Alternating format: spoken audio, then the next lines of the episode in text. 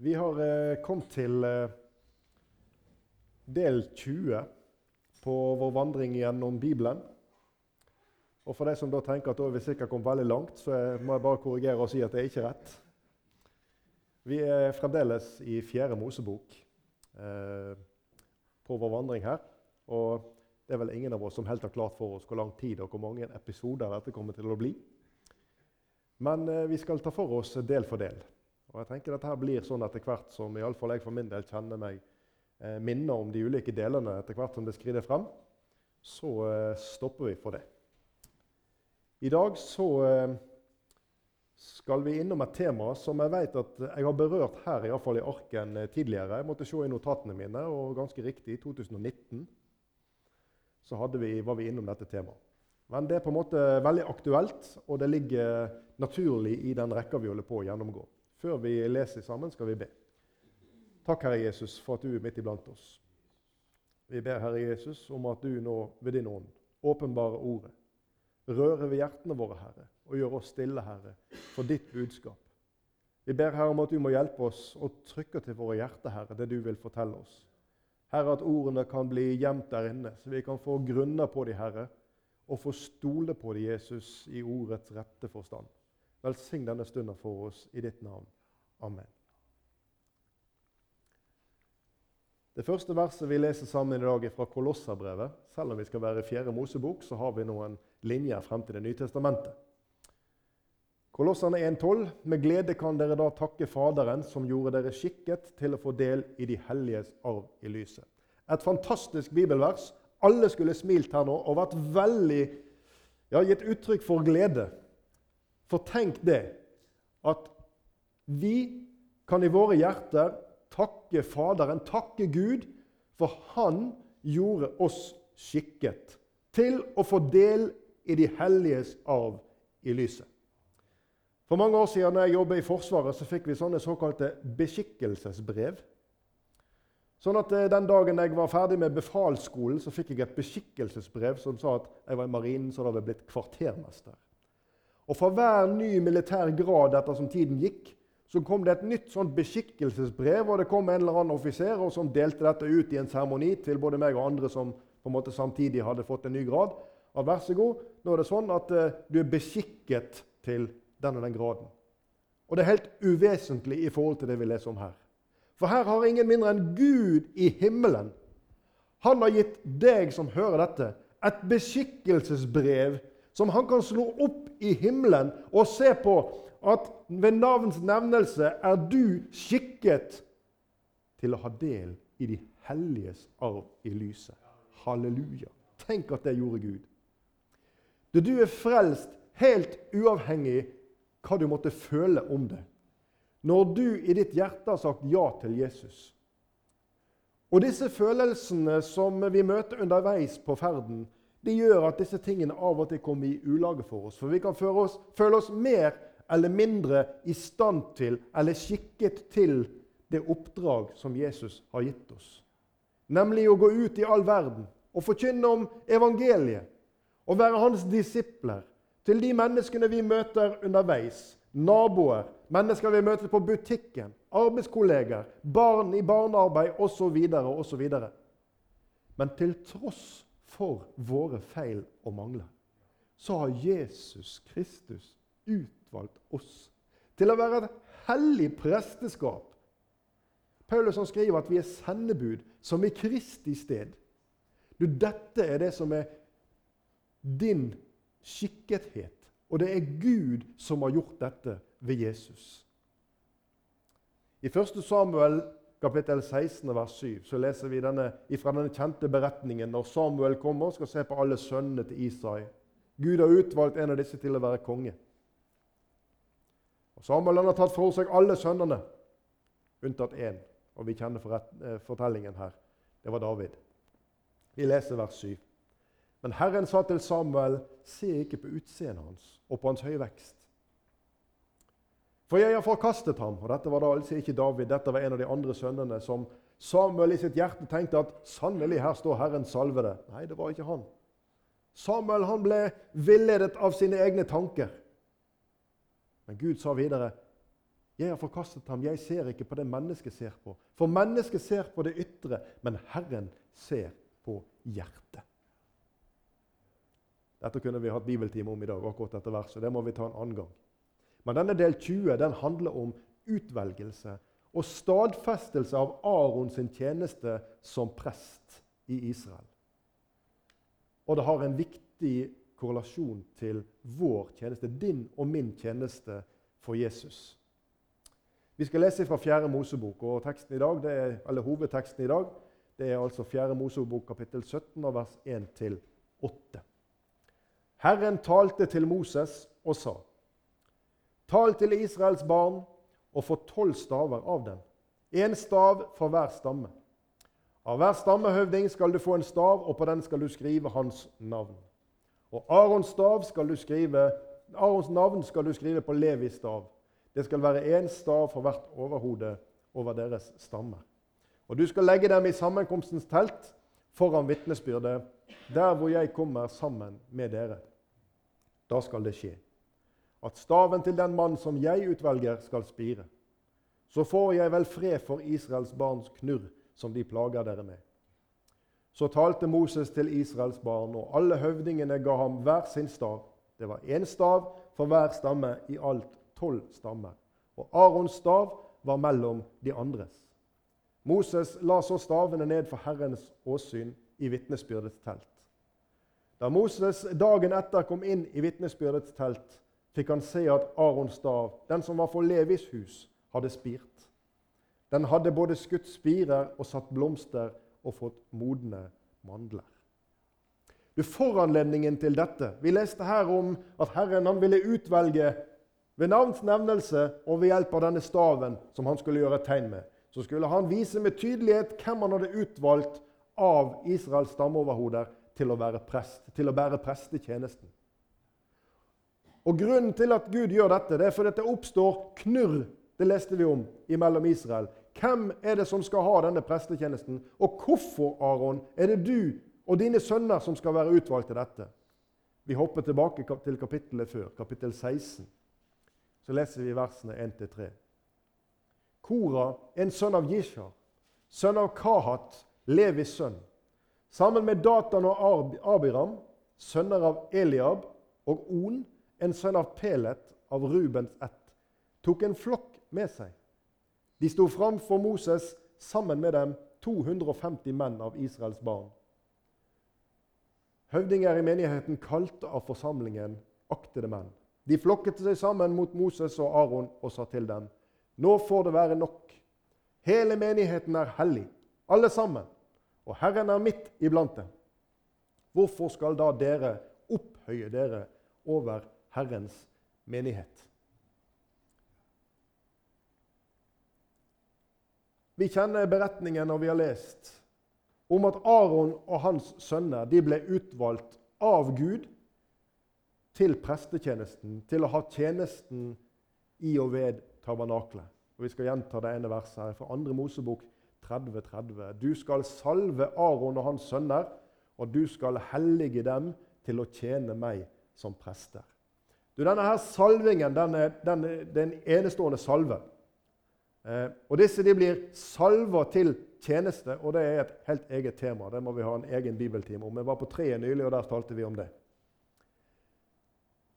Det er altså selve presteembetet, Guds utvelgelse av Aron og hans sønner, som blir utfordra av Kora og hans tilhengere. Vi leser dette verset igjen, 16.1 i 4. Mosebok. Kora, en sønn av Jishar, sønn av Kahat, Levis sønn, sammen med Datan og Abiram, sønner av Eliab og On, en sønn av Pelet av Rubens ett, tok en flokk med seg. Hvem er disse menneskene?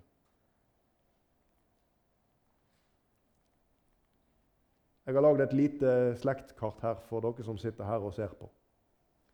Og Her ser dere, Hvis dere følger den blå streken her, vi har Levi øverst. Og Som vi leste gjennom Kahat, som var sønn av Levi. Som igjen hadde fire sønner, og en av disse er Gishar. som da altså hadde sønnen Kora. Og det er denne Kora som her nå står frem. Og vi ser her at Kora han er altså med rette levitt. Han er likestilt med Moses og Aron i slekta etter Levi. Vi leste at Datam og Abiram de var sønner av en som heter Eliab. Og Eliab han var høvding over Sebulons stamme. Men Eliab han er også sønn av en som heter Pallu, som kom til Egypt. Og vi leste at det var sammen med sin far Ruben.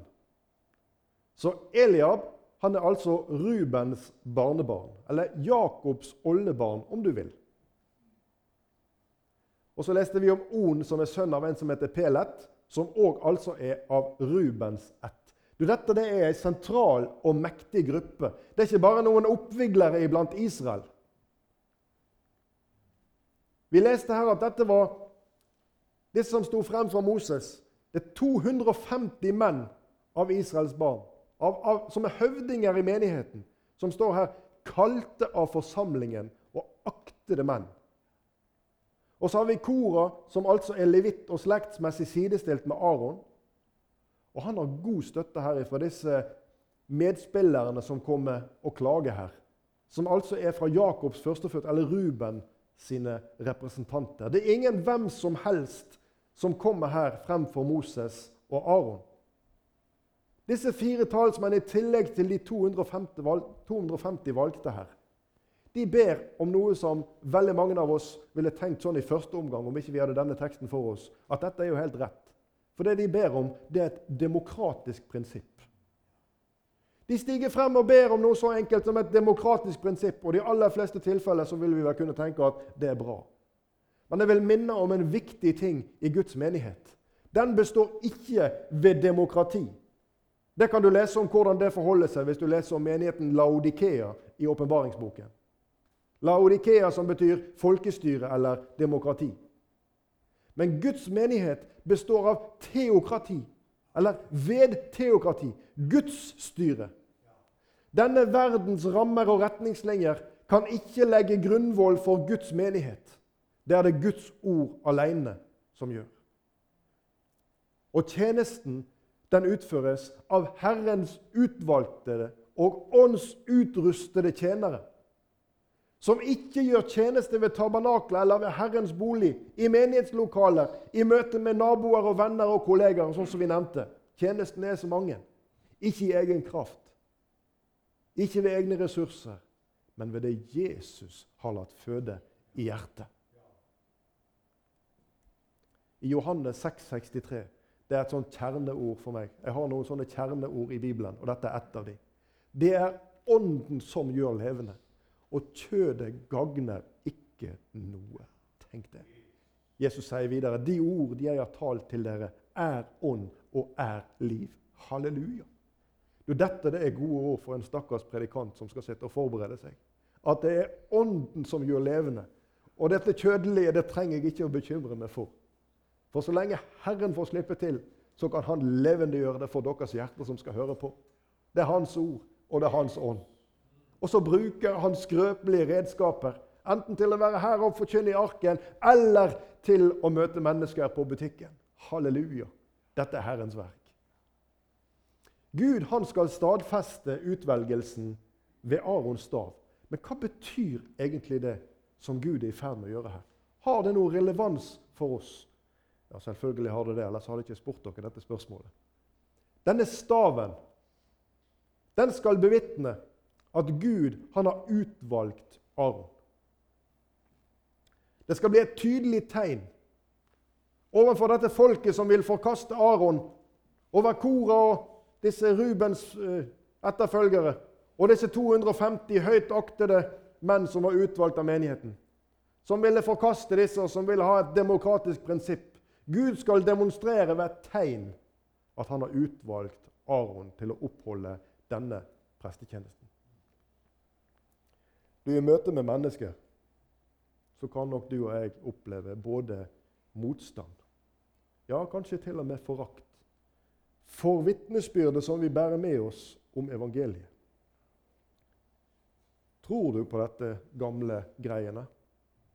Og jeg må ærlig talt si at i møte med mange mennesker i dag, så er det veldig vanskelig å bruke Bibelen som referansepunkt for samtalen. For selve forståelsen av at Bibelen skulle på en måte være vårt felles utgangspunkt for det videre argument eller samtale, det er vrient.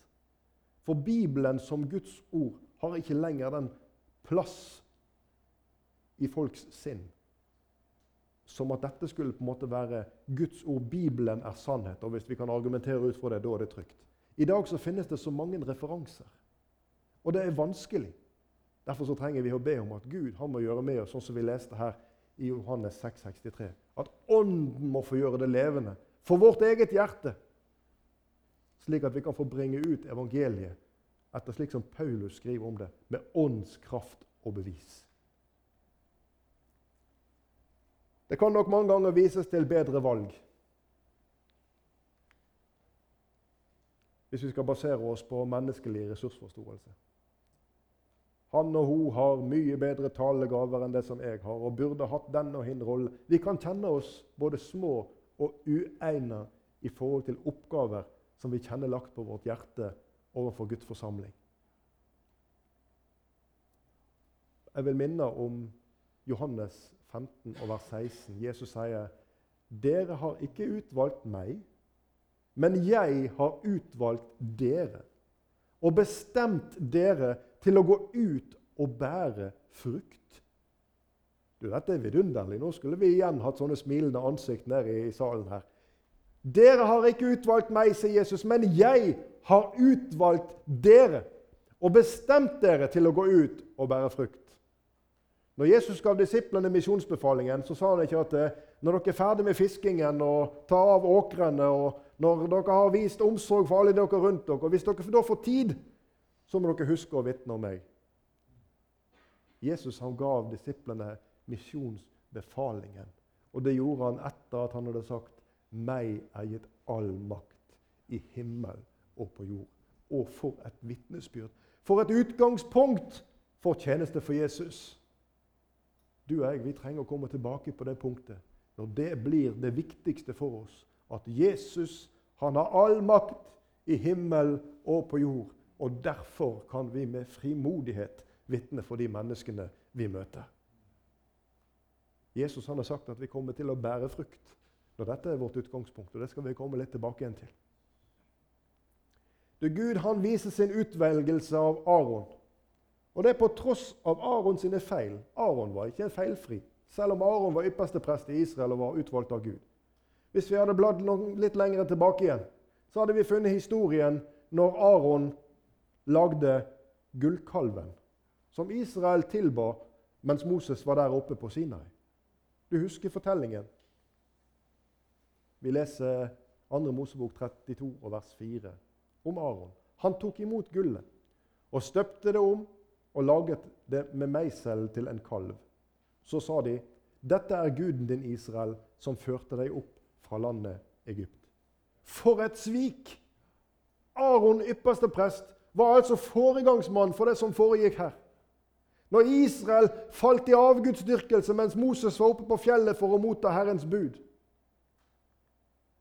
Men Gud han viser òg ved denne staven at han tar det som er dødt, det som er ubrukelig, og så gir han det nytt liv. Vi skal lese igjen i 4. Mosebok kapittel 17 og vers 8. Vi leste det her i sted. Men når Moses kom inn og skal se hva som har skjedd med disse stavene Da Moses dagen etter kom inn i vitnesbyrdets telt, fikk han se at Arons stav, den som var for Levis hus, hadde spirt. Den hadde både skutt spirer og satt blomster og fått modne mandler.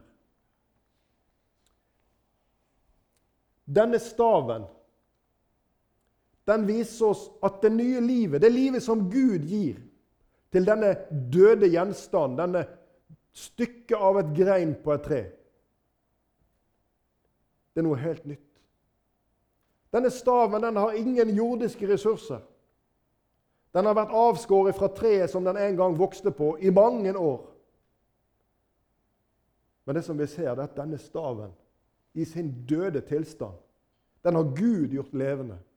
Og så bærer den frukt som Moses får se med sine øyne. Fantastisk! Tenk på det! Dette treet som en gang vokste opp et sted. Og Noen fant ut at de skulle kappe av denne greina. Og så ble den tatt ut av treet, ut av den livgivende kilde. Og så ble den gjort til et redskap. Og vi skal lese mer om denne staven. Tatt ut av det som skulle gi den liv. Og så får den en helt ny rolle. En bibelhistorisk rolle. Utvalgt av Jesus, som Jesus sa. 'Dere har ikke utvalgt meg, men jeg har utvalgt dere og bestemt dere til å gå ut og bære frukt.' Og Dette bildet av det som skjer på Arons stav, det er med å understreke det Jesus mener her. Jeg er ikke avhengig av dine jordiske ressurser for å skape åndelige frukter i ditt liv. For det gjør jeg uavhengig av dine egne ressurser. Vi leste om at dette skulle skje. Gud sa det til Moses. 4. Mosebok 17,5. Da skal det skje at staven til den mann som jeg utvelger, skal spire. Denne Arons stav som vi leser om her, den hadde vært med og gjort mange under. I 2. Mosebok kapittel 7 og vers 9-12 Vi skal ikke lese det nå. Men der kan du lese om at staven den blir til en slange. Når Aron kaster den ned for faraos åsyn der på, på gulvet i, i, palasset til farao, ja, så blir den til en slange. I 2. Mosebok kapittel 7 og vers 20 der kan du lese om når Aron slår på Nilens vann, og så blir Nilens vann til blod. Eller i 2. Mosebok kapittel 8 vers 17 så slår han i støvet ned på jorden, og støvet det blir til mygg som brer seg utover hele Egypt. Du, dette oppdraget det blir nå endra. Denne staven den blir gjort til et vitnesbyrd. Den har vært et vitnesbyrd. Den har vært et vitnesbyrd om Guds makt gjennom bl.a. disse under som jeg leste om her, og der er flere. Men denne staven den er en påminnelse om Guds utvelgelse. Gud sa allerede til Moses at med denne staven skal du gjøre underne. 4. Mosebok 17, 17,10. Og Herren sa til Moses.: Bær Arons stav inn igjen foran vitnesbyrdet, så den kan gjemmes som et tegn for de gjenstridige. Et minne om Guds utvelgelse. Et minne om at Aron er bekreftet av himmelen, og her ligger beviset. At han er utvalgt, han og hans sønner, til tjeneste for meg. For folket. Men tenk på Aron. Tenk på de dagene når Aron kjente i sitt hjerte Uff, nå har det gått i stykker for meg. Nå har jeg gjort feil. Nå har jeg syndet på nytt. Og Jeg er ganske sikker på at djevelen kom mange ganger til Aron og minnet han om dette med gullkalven. Og At Aron kunne kjenne seg fornedret i sitt hjerte. Og sånn har kanskje du det òg av og til. Du kan kjenne det. At Gud, jeg er ikke skikka til å gjøre den tjenesten som du vil jeg skal gjøre. Jeg føler meg ikke i stand til. Og så kommer djevelen og understreker all vår utilstrekkelighet. Men så vil jeg minne deg om at alle disse relasjonene som han da peker på, de er av verdslig opphav. For det som du skal gjøre for Gud, det er nemlig en frukt du skal få bære, som han skaper, uavhengig av disse jordiske ressursene. Uavhengig av det som finnes her i denne verden, så gjør Gud noe nytt i ditt hjerte. Du skal få bære frukt for Hans rike. vers 7 i, vers, i kapittel 17 her, 4. Mosebok. Arons stav, den som var for Levis hus, hadde spirt. Den hadde både skutt spirer og satt blomster og fått modne mandler. Mandeltreet det måtte vi òg ha hatt en egen bibeltime om, men jeg vil bare helt kort. Det er det første av alle trær som spirer i Israel. Og jeg vil si enn i dag så er det en påminnelse om at Gud våker over sitt ord. det hebraiske ordet for mandeltre betyr oversatt til norsk 'den som våkner'. Og Helt kort ett bibelvers om dette, Jeremia 1,11.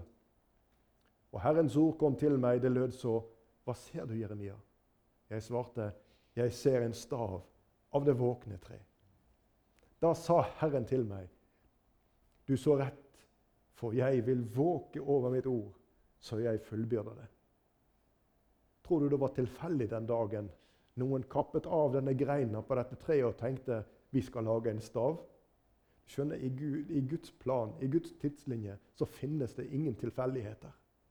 Gud har forutser og legger til rette. Og så blir det åpenbart etter hvert for våre hjerter til tro det som Gud har tenkt. Du, Denne staven den var død. Den hadde ingen blomster og ingen mandler der den var i bruk for Levi. Til tross for at han hadde gjort under som alle kunne se. Men denne dagen så ble navnet Levi skrevet på staven. Og så ble denne staven lagt fram for Gud. Og da skjedde det noe. Da skjedde det noe som ellers ikke hadde skjedd. Da fikk staven liv. Og så begynte den å bære frukt. Og Jeg trenger ikke gå i detalj for å forklare deg hvor jeg vil henne med dette. Men du og jeg, vi trenger å komme til Jesus. Vi trenger å komme frem for Han. Og så kjenner Han våre navn. Og så kjenner Han våre hjerter. Og så gjør Han noe helt nytt. Han gir nytt liv. Han gir åndelig vekst. Og han skaper frukt der i hjertet. Frukt som han har lagd, og som vi skal få bære. Halleluja. Du, Denne staven, hvis jeg skulle ha tenkt, så måtte vi i hvert fall ha satt den ned i noe jord og gitt noe vann og riktig lys og varme. Det er ikke sånn. Du skjønner, Guds veier er ikke våre veier.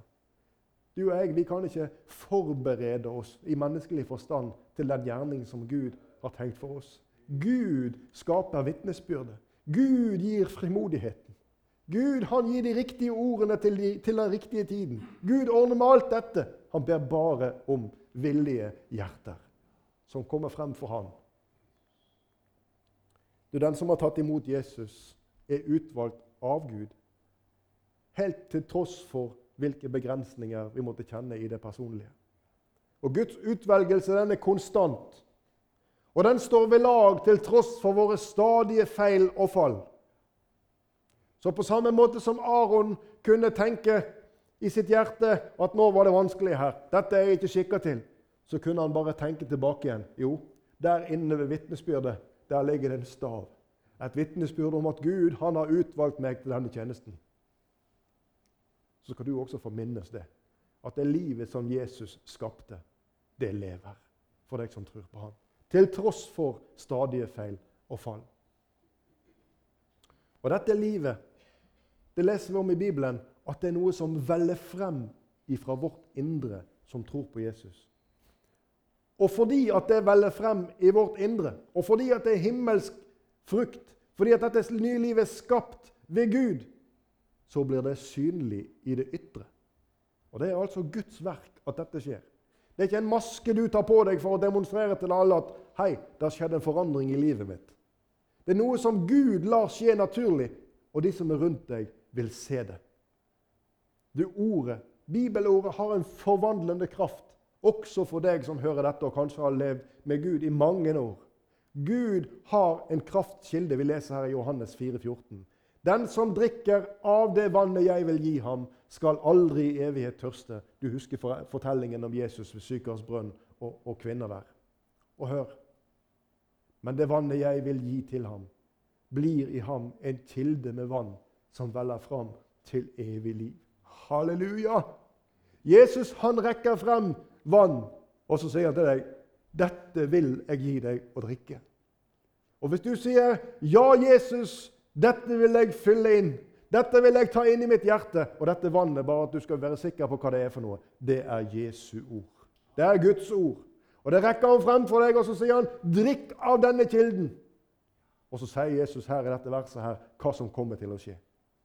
Det kommer til å skje at det du har drukket, det blir i deg en kilde med levende vann som veller fram til evig liv. Jesus gir deg sitt ord. Han gir deg denne åndelige drikken. Og det neste er at det er han som gjør at vannet i deg blir en kilde med levende vann. Det er ikke noe du trenger å streve etter. Det handler om å gi Jesus og hans ord plass, så ordner han resten. Og så helt for ordens skyld Du skal bære den frukten som Gud lar vokse frem. Du trenger ikke prøve å lage frukt, for han har sagt han vil gjøre det. Du skal bare bære det som han skal lage. Efeserne 1,4.: For i ham har han utvalgt oss før verdens grunnvoll ble lagt. for at vi skulle være hellige og ulastelige for hans åsyn. Når jeg ser på dere her, klarer dere å ta dette her inn i hjertene deres? Hva dette her, rekkevidden av hva dette betyr? Det Jesus har gjort. Han har utvalgt deg og meg før vi var, som vi sier på godt norsk, påtenkt. Så gjorde han dette. Han utvalgte oss. Han utvalgte menneskeheten, som han elsker så høyt at han gav sitt liv og blod for at alle skulle få del i dette. Men dessverre finnes det så mange mennesker som velger dette bort. Men Jesus han har utvalgt oss. Før verdens grunnvoll ble lagt. Du, det var ingen overraskelse for Gud at mennesket synder der i hage. Gud visste at det kom til å skje, og hadde allerede langt forut for dette planlagt hvordan frelsen skulle kunne skje. Før verdens grunnvoll ble lagt. For at vi hva for noe? Jo, skulle være hellige og ulastelige for hans åsyn. Jeg håper du kan trykke disse ordene til ditt hjerte, og spesielt hvis du sitter her og kjenner på tvil eller manglende frelsesvisshet. For dette er konstant. Du, Arons stav den minner oss om Guds utvelgelse av hva skal vi si, det som ikke var noe, til å bli et redskap for han. Første Korinter Vi leser her eh, i kapittel 1, vers 28-30. Det som er lavt i verden, og det som er foraktet. Det utvalgte Gud seg. Det som ingenting er. For å gjøre det til intet som er noe. For at intet kjøtt skal rose seg for Gud. For det er Hans verk at dere er i Kristus Jesus. Han som for oss er blitt visdom fra Gud rettferdighet og helliggjørelse og forløsning. Og Nå kjenner jeg at dette her skulle vært bibeltime om òg. Men det får vi ta en annen gang. Jeg vil bare understreke at det er hans verk at vi er i Kristus Jesus. Halleluja. Jesus gjorde det. Vi skal gå inn for landing her. Jeg vil repetere disse versene som vi begynte med. Og Vi leser Kolossene 1 og 12-13. Med glede kan dere da takke Faderen, som gjorde dere skikket til å få del i de helliges arv i lyset. Han er den som fridde oss ut av mørkets makt og satte oss over i sin elskede sønns rike. For det gjorde Jesus i kjærlighet til deg og meg.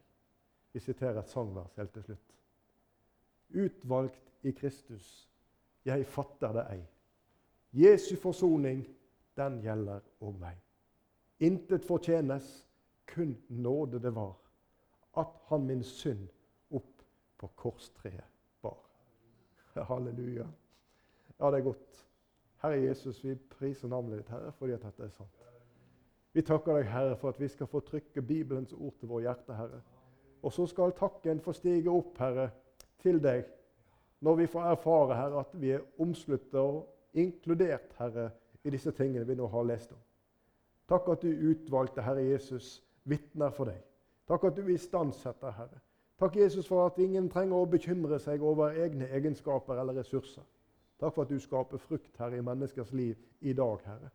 Takk, Jesus, for at du utvalgte oss til å få være dine barn. Amen.